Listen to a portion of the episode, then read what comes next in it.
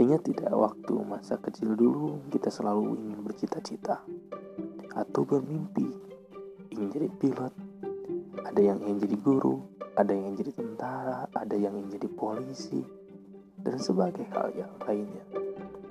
Dan menurut gua itu ada salah satu hal yang membuat masa kecil kita istimewa dan terbaik karena kebebasan untuk berhayal yang seluas-luasnya pada masa saat itu hal yang sebenarnya gak masuk akal bagi gue sekalipun uh, berimajinasi itu memang dimiliki waktu kecil. Wajar kalau saat kecil dulu kita ini banyak mimpi yang kita miliki. Tapi terkadang realisasi dalam kehidupan dewasa berbeda. Kayak gue uh, dulu cita-cita gue pengen jadi polisi. Tapi saat ini gue nggak terjadi. Nah apakah mimpi itu terjadi di mimpimu dan terrealisasi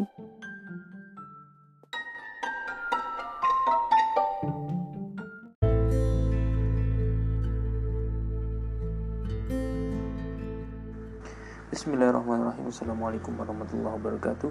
Alhamdulillah uh, Di kesempatan bulan puasa Ramadan Di bulan suci Ramadan yang menginjak ke hari yang kedua Eh ketiga uh, Saya ingin mengajak teman-teman Apalagi di bulan suci ini Kita saling belajar mengkaji kitab Apalagi kitab uh, mencari kitab dan mengkajinya itu adalah sesuatu yang sangat uh, berpahala dan menjadikan kita juga berilmu kita mendapatkan ilmu dan kemudian kita bisa mengimplementasikan dalam kehidupan sehari-hari kita.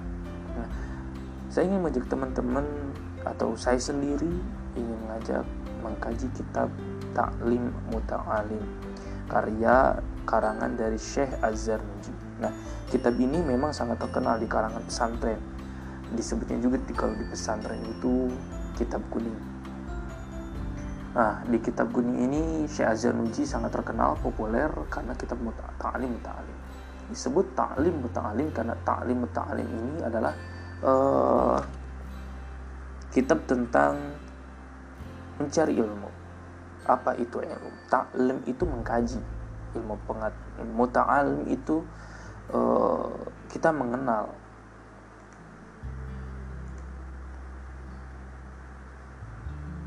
Nah di dalam kitab ini memang uh, mengis, diisikan tentang berbagai banyak hal tentang ilmu. Bagaimana kita menuntut ilmu mencari ilmu cara beretika berilmu dan bertawakal menjadi seorang yang bela ilim gitu. Bagaimana cara bagaimana bersikap waro ketika menuntut ilmu itulah isi-isi dari kitab ini. Dan kitab ini memang sangat-sangat uh, bagus kalau kita mengkajinya. Uh, baiklah teman-teman di pada kesempatan ini kita akan mengetahui atau kita akan mengkaji tentang yang bab pertama yaitu hakikat ilmu. Pada bab awal atau al-fasul ula itu uh, kita akan mendeskripsi uh, kita akan belajar tentang fi mahiyat fi mahiyatul ilm wal fiqh wal fadlah wal fadilah. Jadi menerangkan hakikat ilmu, hukum mencari ilmu dan keutamaan. Nah, uh, di awal di sini beliau mengutip sebuah hadis qala Rasulullah sallallahu alaihi wasallam talabu ilm faridatun ala kulli muslimin wa muslimatin. Jadi menuntut ilmu Rasulullah SAW bersabda menuntut ilmu itu wajib bagi muslim laki-laki dan perempuan. Beliau melanjutkan bahwa i'lam bi annahu la yuftaradu ala kulli muslimin wa muslimatin Tolabun kullu kulli ilmin. Iklam perlu diketahui, ketahuilah bahwa kewajiban menuntut ilmu tolabu kulli ilmin bagi muslim laki-laki dan perempuan la yuftaradu ala la yuftaradu ini tidak sembarangan ilmu. Bal yuftaradu alaihi talabul ilmi al-hali. Tapi bal yuftaridu bal, bal yuftaradu alaihi talabul ilmi tapi ber, terbatas pada ilmu agama. Dan ilmu yang merangkan cara bertingkah laku atau bermuamalah dengan sesama manusia yaitu kama yuqalu sebagaimana dikatakan bahwa afdalul ilmi ilmu hali wa afdalul amal hifdzul hal. Bahwa ilmu yang paling utama afdalul ilm ilmu yang paling utama yaitu adalah ilmu hal yaitu adalah ilmu hal ilmu wa afdalul amal hifdul hal. Dan perbuatan yang paling mulia adalah menjaga perilaku. Jadi ilmu etika ilmu akhlak dan juga yang paling mulia wa afdalul amal dan per paling mulia perbuatannya adalah menjaga perilaku atau menjaga uh, akhlak. Yang dimaksud di sini menurut beliau yaitu uh, ilmu agama Islam Beliau melanjutkan bahwa wa yuftaradu ala muslim talabul ilmi ma yaqa'u fi hali. Setiap orang Islam atau setiap orang muslim diwajibkan menuntut ilmu talabul ilm fi ayyi halikan. Menuntut ilmu yang berkaitan ma yaqa'u apa-apa yang berkaitan dengan apa yang diperlukan saat itu? Fi ayyi hali makan. Fa innahu la budda lahu min as-salati fayuftaradu alaihi ilmu oleh karena itu fa innahu la yuba la, la oleh karena itu fa innahu nya ke ala muslim ala kulli muslim. Setiap orang muslim mengetahui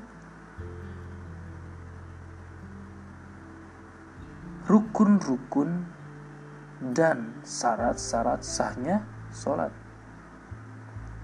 Mayaqa'u lahu fi sholatihi biqadri ma yuaddi bihi fardhu sholat. Supaya tujuannya adalah apa? Supaya dapat melaksanakan kewajiban uh, salat dengan sempurna. Kemudian beliau melanjutkan wa yajibu alaihi ilmu ma yakunu lahu biqadri ma yuaddi il wajib. Setiap orang Islam wajib mempelajari dan mengetahui rukun maupun syarat amalan ibadah yang dikerjakannya untuk memenuhi kewajiban tersebut. Nah di dalam di awal ini Syekh Azhar Nazi ini menjelaskan tentang bagaimana wajibnya menuntut ilmu. Menuntut ilmu tujuannya adalah kita mengetahui cara beribadah, tuntutan sholat. Karena tanpa ilmu, kemudian kita ibadah, tanpa ilmu kita ibadah, maka sia-sia. Kenapa sia-sia? Karena memang uh, kita harus mengetahui dulu apa ilmunya, apa rukun syahnya, apa rukun yang membatalkannya, apa aja uh, hal-hal yang membatalkan sholat. Kalau kita tidak mengetahui hal itu, kemudian kita melaksanakan al ibadah ibadah kepada Allah Subhanahu wa taala maka akan sia-sia. Tidak ada nilai sama sekali karena ilmu itu sangatlah penting sebagai pondasi atau dasar dari uh, dalam beribadah. Jadi intinya bahwa kenapa ilmu menuntut ilmu itu diwajibkan oleh setiap muslimin muslimat baik laki-laki maupun perempuan baik yang muda maupun yang tua itu adalah sesuatu yang uh, tujuannya adalah agar mereka mengetahui cara beribadah kepada Tuhan, cara beribadah kepada Allah Subhanahu wa taala agar tidak sembrono, agar tidak sok tahu. Ketika dia tidak sok tahu berarti dia tidak mengetahui dasar fondasi ilmu, dasar ibadah. Karena dasar ibadah adalah ilmu ketika berilmu ketika dia mengetahui alim itu mengetahui mengetahui cara-cara sholat yang membatalkan sampai ke dasar-dasarnya itu adalah sesuatu yang uh, bagus untuk seorang muslim karena dia mengetahui cara-caranya beribadah. Nah, ini inti dari uh, di kitab awal ya. Karena ini belum lebih ke dalam lagi. Kita akan kembali lagi untuk uh, nanti setiap uh, sholat habis ba'da sholat uh, sholat fardu di setiap harinya kita akan belajar tentang ta'lim ta'lim. Terima kasih teman-teman. Mudah-mudahan ini bermanfaat bagi saya maupun bagi teman-teman sendiri. Kekurangan itu dari saya dan kelebihan semua kebenaran itu datang dari Tuhan dari Allah Subhanahu wa taala. Wassalamualaikum warahmatullahi wabarakatuh.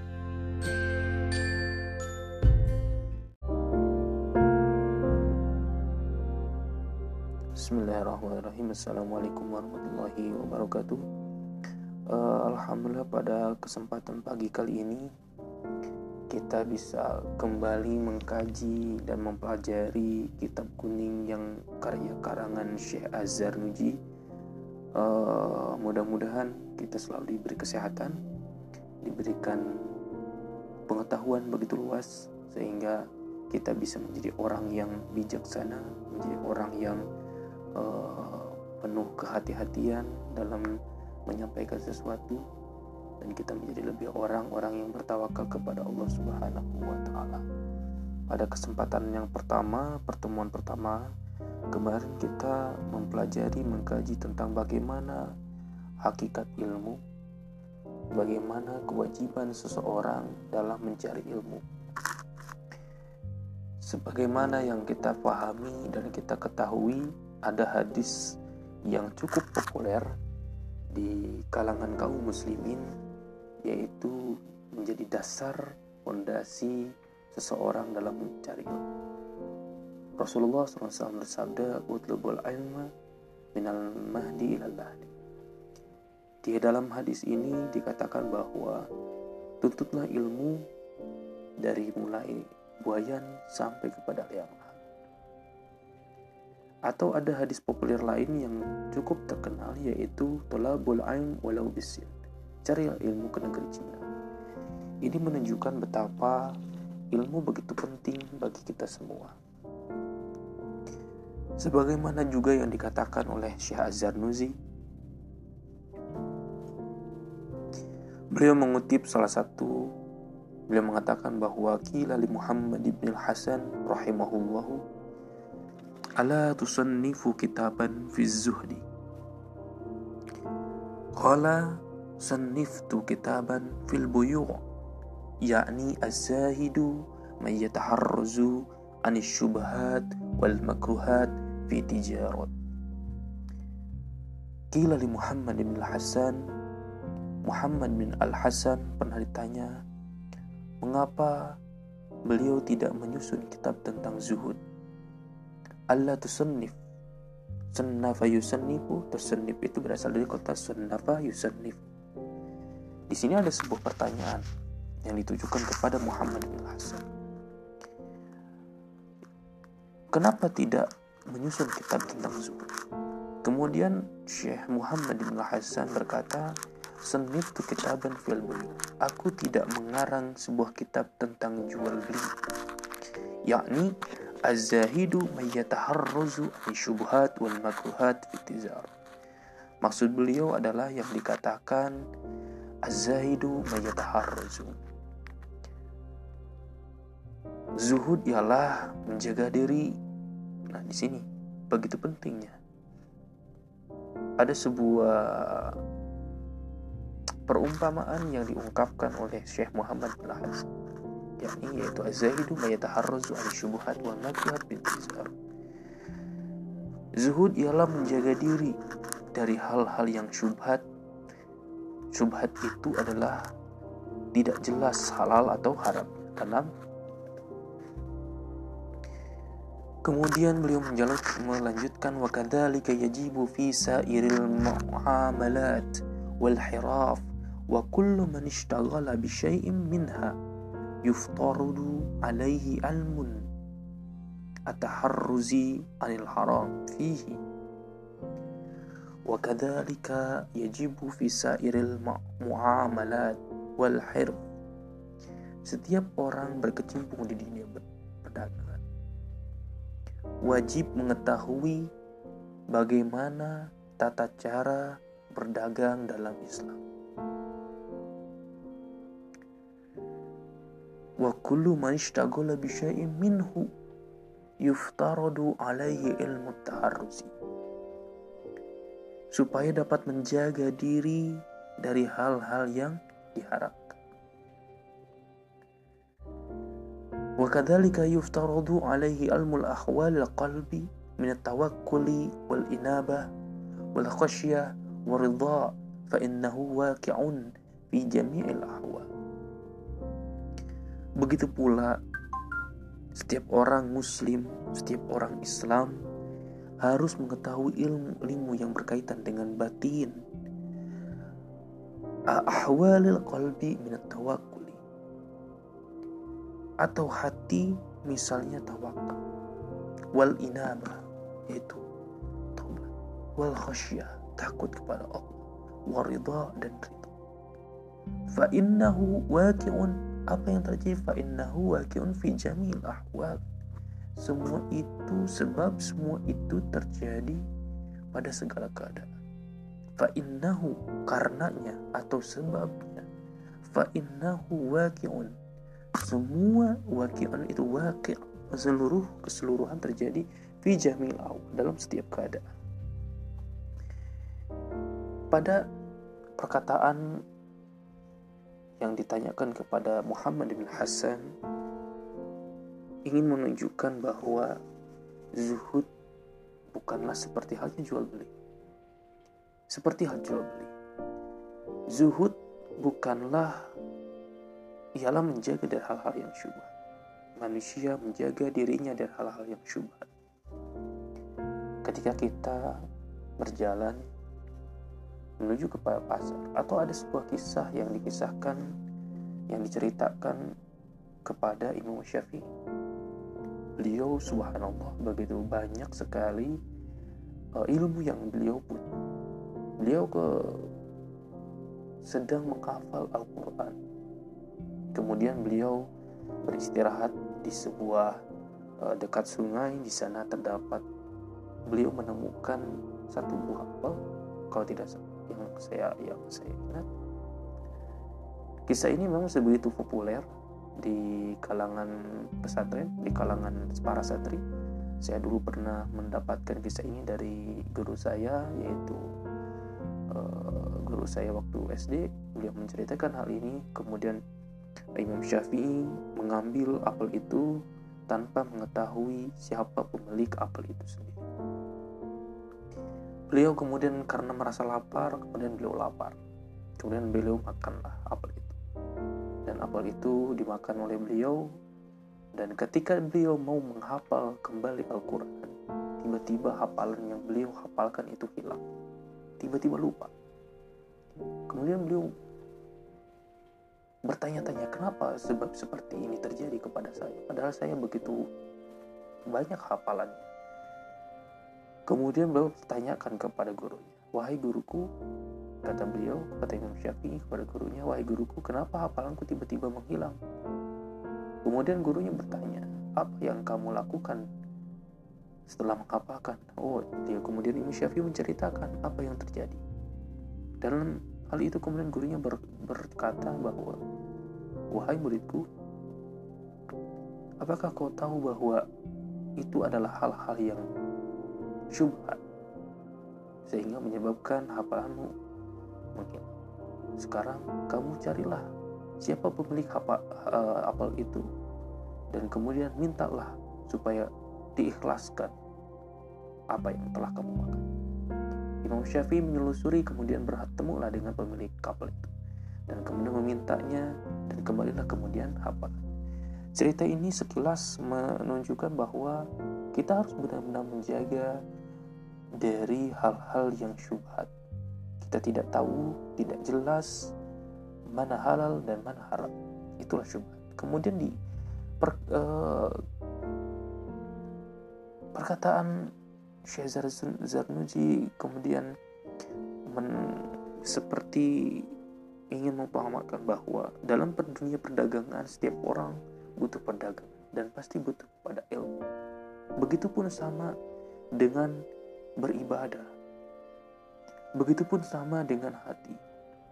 Kita harus tahu apa ilmu-ilmu yang berkaitan dengan kolom. Seperti apa? Ikhlas, kesabaran, ketawakalan, keridoan. Semuanya kita harus pelajari. Karena itu bisa menahan diri kita dari hal-hal yang syubhat. Kita bisa menahan melihat segala sesuatu itu dengan penuh kesabaran. Melihat mendapatkan musibah dengan ketawakal. Mendapatkan uh, cobaan dengan keriduan. Semua itu adalah ada ilmu. Dan itu kita harus benar-benar mencari dan kemudian kita mengkaji ilmu-ilmu tentang batin yang ada di dalam hati kita. Semua yang ada dalam batin kita, kita harus pelajari. Dan tohir batin itu kita harus pahami, dari kita harus uh, cari ilmu-ilmu yang berkaitan dengan itu. Seperti sebagaimana Allah adalah dengan tohir wa batin. Di dalam Quran pun sama, ada makna tohir, ada makna batin. Dalam sekelimpung keilmuan itu ada dohir dan batin. Itulah dua uh, kajian yang kita bahas pada kali ini. Mudah-mudahan bermanfaat bagi diri saya sendiri mengingatkan diri saya bahwa saya harus berkata zuhud. Eh saya harus mempelajari zuhud maaf mempelajari zuhud mempelajari keilmu-ilmu tentang zahir wa batin zahiran wa batinan kita harus benar-benar mempelajari dan mengkaji ilmu-ilmu batin, ilmu-ilmu zahir juga. Ada sebuah harus ada sebuah keseimbangan di antara keduanya. Terima kasih, mudah-mudahan bermanfaat. Uh, apalagi di bulan suci Ramadan ini uh, kita benar-benar memahami batin kita. Kita tidak hanya berpuasa dengan secara zahir yaitu menahan lapar dan haus tetapi juga menahan batin kita dalam menggunjing menggibah orang. Kita banyak harus harus banyak bersedekah harus banyak belajar harus banyak mengkaji semua. Mudah-mudahan bermanfaat bagi kita semua. Terima kasih. Wassalamualaikum warahmatullahi wabarakatuh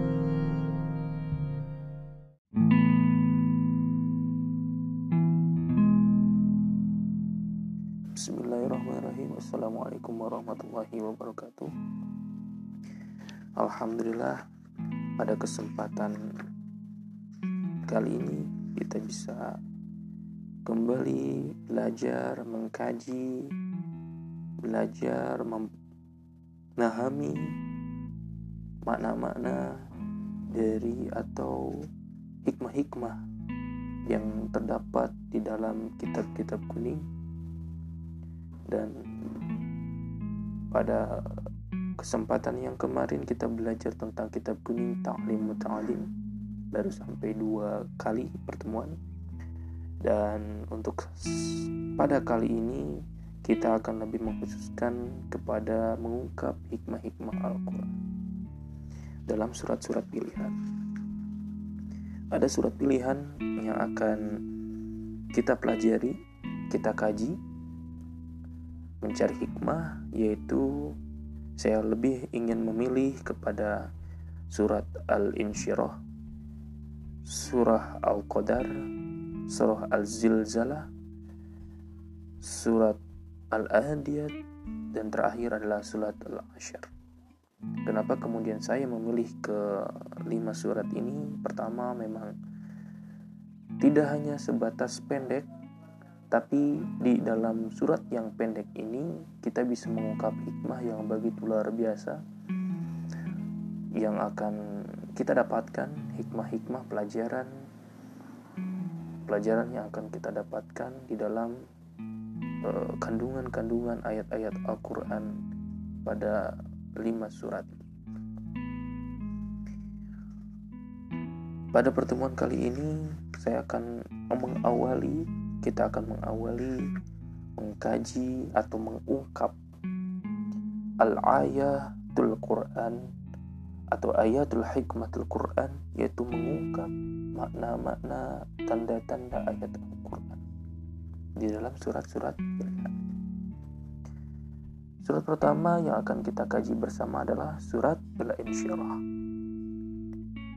Surat Al-Insyirah ini termasuk kepada surah Makkiyah dan juga total semua ayat di dalam surat Al-Syirahnya adalah ada adalah 8 ayat. Kita bacakan bersama-sama. A'udzubillahiminasyaitonirrajim. Bismillahirrahmanirrahim.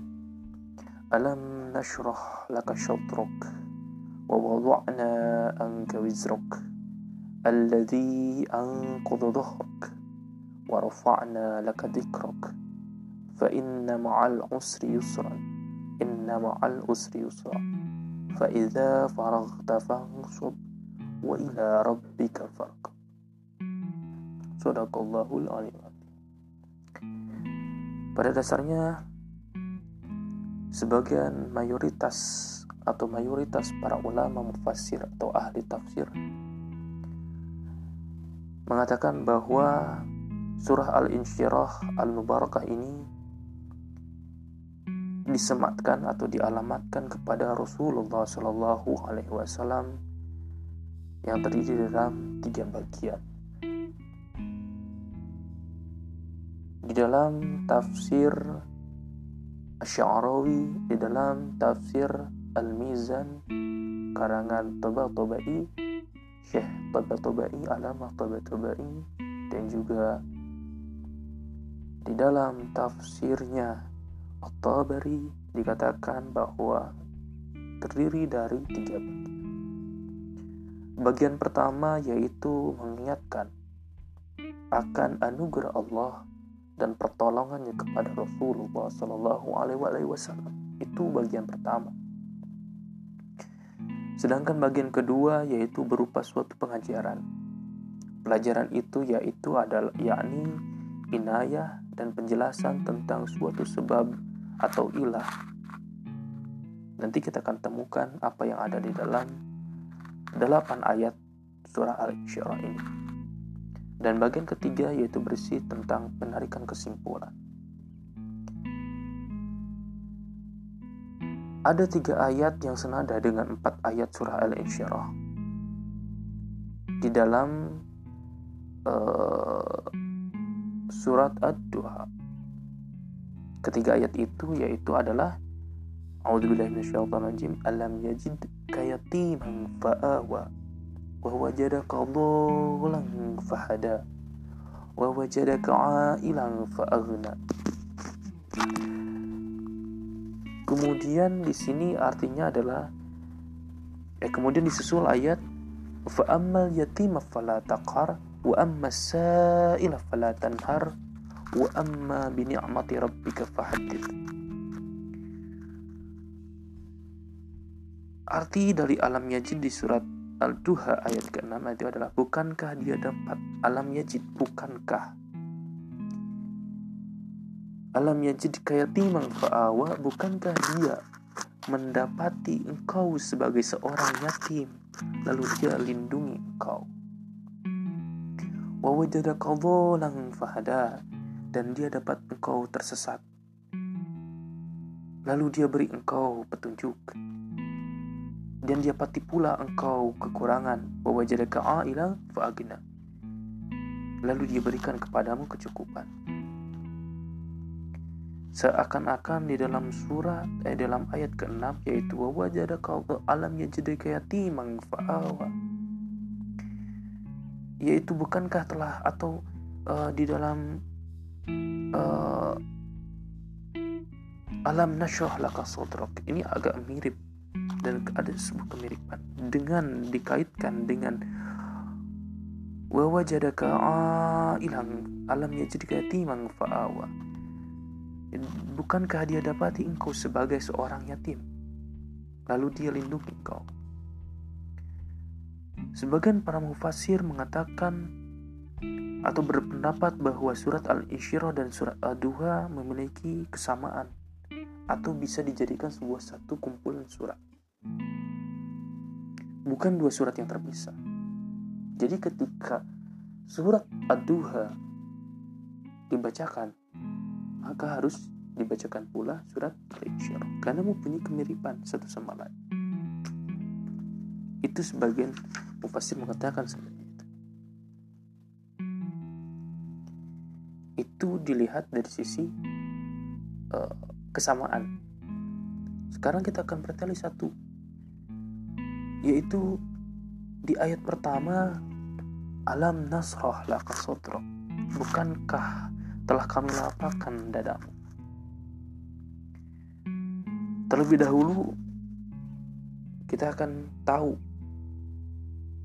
kata alam nasrah nasrah laka sodrok kami lapangkan nasrah syarraha atau ashraha yashrahu agar kita pahami makna melampangkan dada syarah as-sadr memang kata semacam yang memiliki makna syarah as-sadr atau lapangkan melapangkan dada itu ada di dalam beberapa surat-surat Al-Qur'an. Misalnya ketika Al-Qur'an berbicara tentang Musa ibn Imran pada saat ia diutus, dikatakan kepadanya,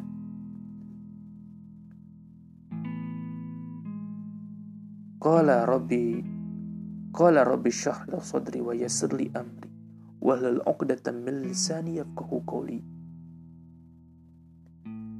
Wazira min ahli Harun akhi ashdud bihi azri washrikhu fi amri sabbihka kathiran wa nadhkuraka kathiran.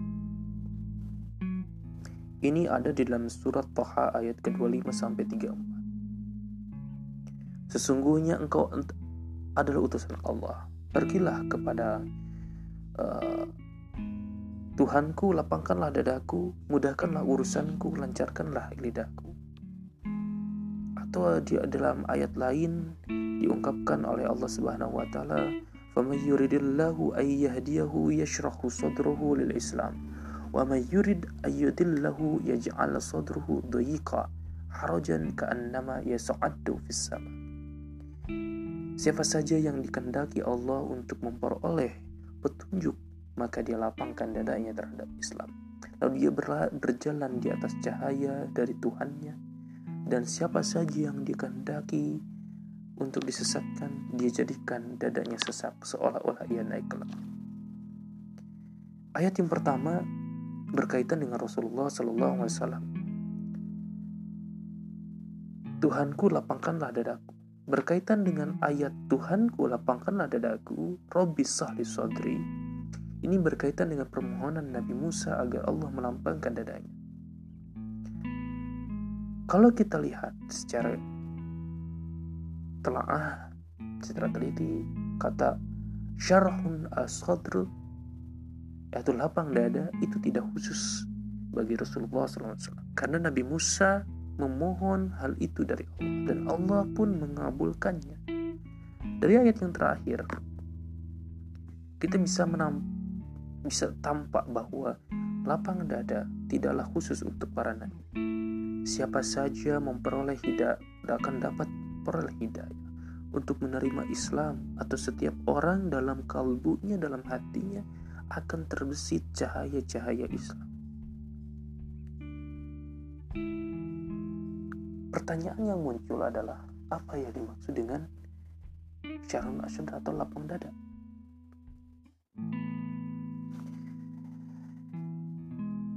Pertama-tama yang harus kita ketahui adalah apa mana asyadr atau dada dan mana asyarhun atau lapang. Kata shoulder pada dasar asalnya memang berarti rongga dada secara zahirnya.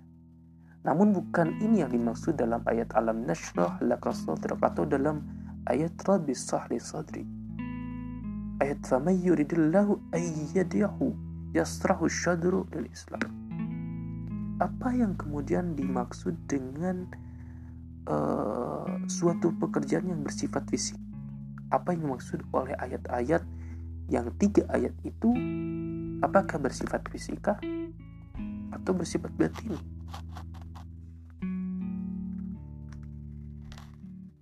Kalau kita lihat di sini ada makna batini seperti yang dikatakan oleh uh, Syekh Toba-Tobai di dalam dada itulah hati berada. Hati di sini diibaratkan untuk menunjukkan hati yang benar-benar hakiki. Jadi bukan hati yang secara fisik atau dohiri, tetapi yang batininya. Maksud batini di sini, hati yang di sini adalah ruh manusia itu sendiri. Maka yang dimaksud dengan syarahul syadr atau melapangkan dada ialah sesuatu yang bersifat ruhan, sesuatu yang maknawi, bukan bersifat jasmani ataupun fisikly ataupun dohiri. Itu yang dimaksud dengan dada di sini. Sebagian mufas, uh, mayoritas mufasir sepakat bahwa dada yang dimaksudkan dari tiga ayat uh, syarhun sadr Rabbi sahli sadri alam nasrah laka dan yang lainnya itu bermaknakan batini atau qalb yang dimaksud dengan ruh. Sedangkan yang dimaksud dengan makna syarh syarhun melapangkan para mufasir memandang bahwa memandang secara universal atau secara umum bahwa syarh syad ialah atau syad luas dada. Dan ini adalah ungkapan yang cukup lazim dalam bahasa Arab. Ungkapan terda eh, terdapat dalam sebuah hadis yang maknanya bahwa tanda kepemimpinan seorang adalah luasnya dada jadi mana sya'atu syad sa'atun sya'atun sya'at sa'ah sa'ah sad. Luas dan besarnya dada. Itu bermakna batini bukan bermakna zahiri bukan dananya uh, maaf. Uh, six pack. Atau menonjol seperti halnya daerah bukan. Tetapi di sini adalah luasnya baik luasnya hati besarnya hati Dalam hadis yang tadi dimaksud tanda kepemimpinan seorang ayatul uh, khilafatul insan yakni sa'atu sada. Di sini bukan orang yang lebar dadanya seperti yang tadi saya maksudkan. Tetapi lapang dada di sini berarti dia mempunyai tugas yang dipikul dengan baik dan sabar dia dengan telaten, dengan yakin, dengan tawakal, dengan kesembaran, dia mempunyai kebesaran hati. Ini merupakan ungkapan yang memang merujuk pada kemampuan seseorang dalam memikul beban. Menurut para ulama seperti itu. Kemampuan bersabar. Inilah yang kemudian harus diartikan bila seorang pemimpin, bila seseorang ingin menjadi pemimpin maka dia seharusnya bisa baik, bisa bergaul dengan banyak orang dengan banyak manusia. Dengan bisa mengatur urusan mereka dengan baik. Dan harus menjadi orang yang berlapang dada harus besar hati legowo Sebagai contoh seperti ada seorang direktur sebuah sekolah atau seorang guru di dalam uh, sekolah itu. Atau seorang guru lah, seorang guru di dalam kelas yang mengatur murid-muridnya. Seorang guru itu tidak akan bisa mengatur semua uh, murid-muridnya tanpa memiliki sifat lapang dada. Atau contoh lain, seorang laki-laki yang akan menjadi seorang kepala keluarga atau suami. Apabila ia ingin mengatur urusan rumah tangganya dengan baik, maka dia harus punya sifat lapang dada, sikap lapang dada besar hati. sehingga semakin luas lapangan kepemimpinan lapang dadanya seorang pemimpin maka semestinya makin berlapang dada dan semakin besar kesabarannya inilah makna umum makna universal yang dipahami oleh para ahli tafsir tentang kata syahrun asad atau lapang dada. Yakni ketika mereka mengatakan bahwa Allah telah memberikan karunia kepada Rasul Shallallahu Alaihi Wasallam yaitu dia mengingatkan akan nikmat ini nikmat kesabaran dan lapang dada. Jelas. Ini adalah sebuah nikmat yang diberikan kepada Rasulullah yaitu diberikan kelapang dada syahrul sadar dan juga nikmat kesabaran. Ketika Allah berkata alam nashrah laka sodrak bukankah dia dapat engkau sebagai seorang yatim? Dia dilindungi. Bukankah dada ia dapat? Eh bukan maaf. Dengan bukankah telah kami lapangkan dadamu? Kami di sini Allah menunjukkan kepada uh, domir kami ini menunjukkan bahwa tidak lang Allah langsung memberikan kepada uh, Rasulullah SAW kenikmatan tapi ada perbedaan antara syahrus sadr dan ca'atus sadr. Setiap syahrus sadr pasti mencakup satu sadr.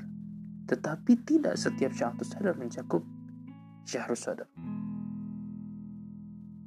Nah, Al-Quran di sini tidak mengungkapkan dengan kata-kata alamu nuwasi laka syadrak. Tidak seperti itu. Tetapi Allah berfirman alam nashrah laka sadrak. Nah, inilah yang kemudian kita akan uh, kaji. Kenapa kemudian Allah tidak menggunakan kata alam nuwasi, nuwasi, nuwasi di sini ada uh, bukankah Allah meluaskan dan melapangkan dadamu? Tetapi Allah lebih memilih alam nasyarah. Kenapa seperti itu?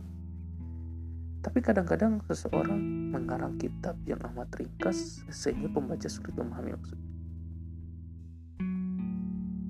Kemudian ada orang lain yang berusaha memperjelas dengan syarahnya. Contohnya seperti itu. Kata-kata kenapa enggak alam nuasi dan kemudian memilih kepada alam nasyar. Di sini kemudian seperti halnya uh, seseorang seperti contoh Jalaluddin Rumi mengungkapkan tulisannya dengan syair-syair dengan sebuah syair yang pendek tanpa isyarat dan itu seperti metafor di sini kemudian banyak para pensyarah atau yang mering, uh, memperjelas uraian-uraian tentang uh, makna-makna syair-syair beliau. Ada seorang ulama yang besar, cukup besar di kalangan Persia, yaitu Khawazah Nasruddin Atusi yang beliau uh, tulis dalam kitab berjudul Tajrid al-I'tiqad yang membahas tentang ilmu kalam Kitab itu terdiri dari dua bagian yaitu Tajrid al-Mantik dan Tajrid al-I'tiqad. Beliau ini adalah seorang yang luas pengetahuan dalam ilmu kalam dan juga selain menguasai kedua ilmu itu, uh, Khawajah Nasruddin At-Tusi juga mempunyai pandangan yang cukup uh, uh, khas. Dalam kitabnya ini, beliau membahas masalah-masalah falsafat dalam ungkapan yang cukup singkat. Setelah itu kemudian ada muridnya yang bernama Al-Hilli yang tidak kurang kepandaiannya dia lebih ahli dalam bidang fikih sedangkan gurunya ahli filsafat Al-Hilli ini Syekh Al-Hilli kemudian mensyarah kitab yang berjudul Kashful Murad fi Syarhi Tajridul dan dia tidak mensyarah secara panjang lebar tetapi hanya menjelaskan kandungan dan maksud dari kitab itu sebenarnya. Seperti yang tadi uh, pada hakikatnya memang kalau kita kembali kepada seperti yang tadi uh, masalah syahrus sadar atau lapang dada adalah bersifat rohani. Di dunia ini kalau kita lihat dunia ini tidak ada sesuatu yang sangat membutuhkan syahrus sadar selain dari roh manusia maka firman Allah yang ditujukan tadi di dalam Quran surat Al-Insyirah ayat pertama kepada Rasulullah menyatakan dia telah melapangkan dada atau syar bukan meluaskan bukan tahu siap tapi syar. Itulah yang kemudian kita pahami harus kita pahami dalam uh, surah uh, Al-Insyirah ini. Ini masih panjang, cukup panjang dalam menjelaskan tentang syarahun sadr. Mudah-mudahan bermanfaat dan kita akan lanjutkan di tasya berikutnya. Eh, penjelasan berikutnya kita bersama-sama mengkaji bagaimana syarah sadar atau lapang dada uh, itu di mana. Mudah-mudahan bermanfaat. Assalamualaikum warahmatullahi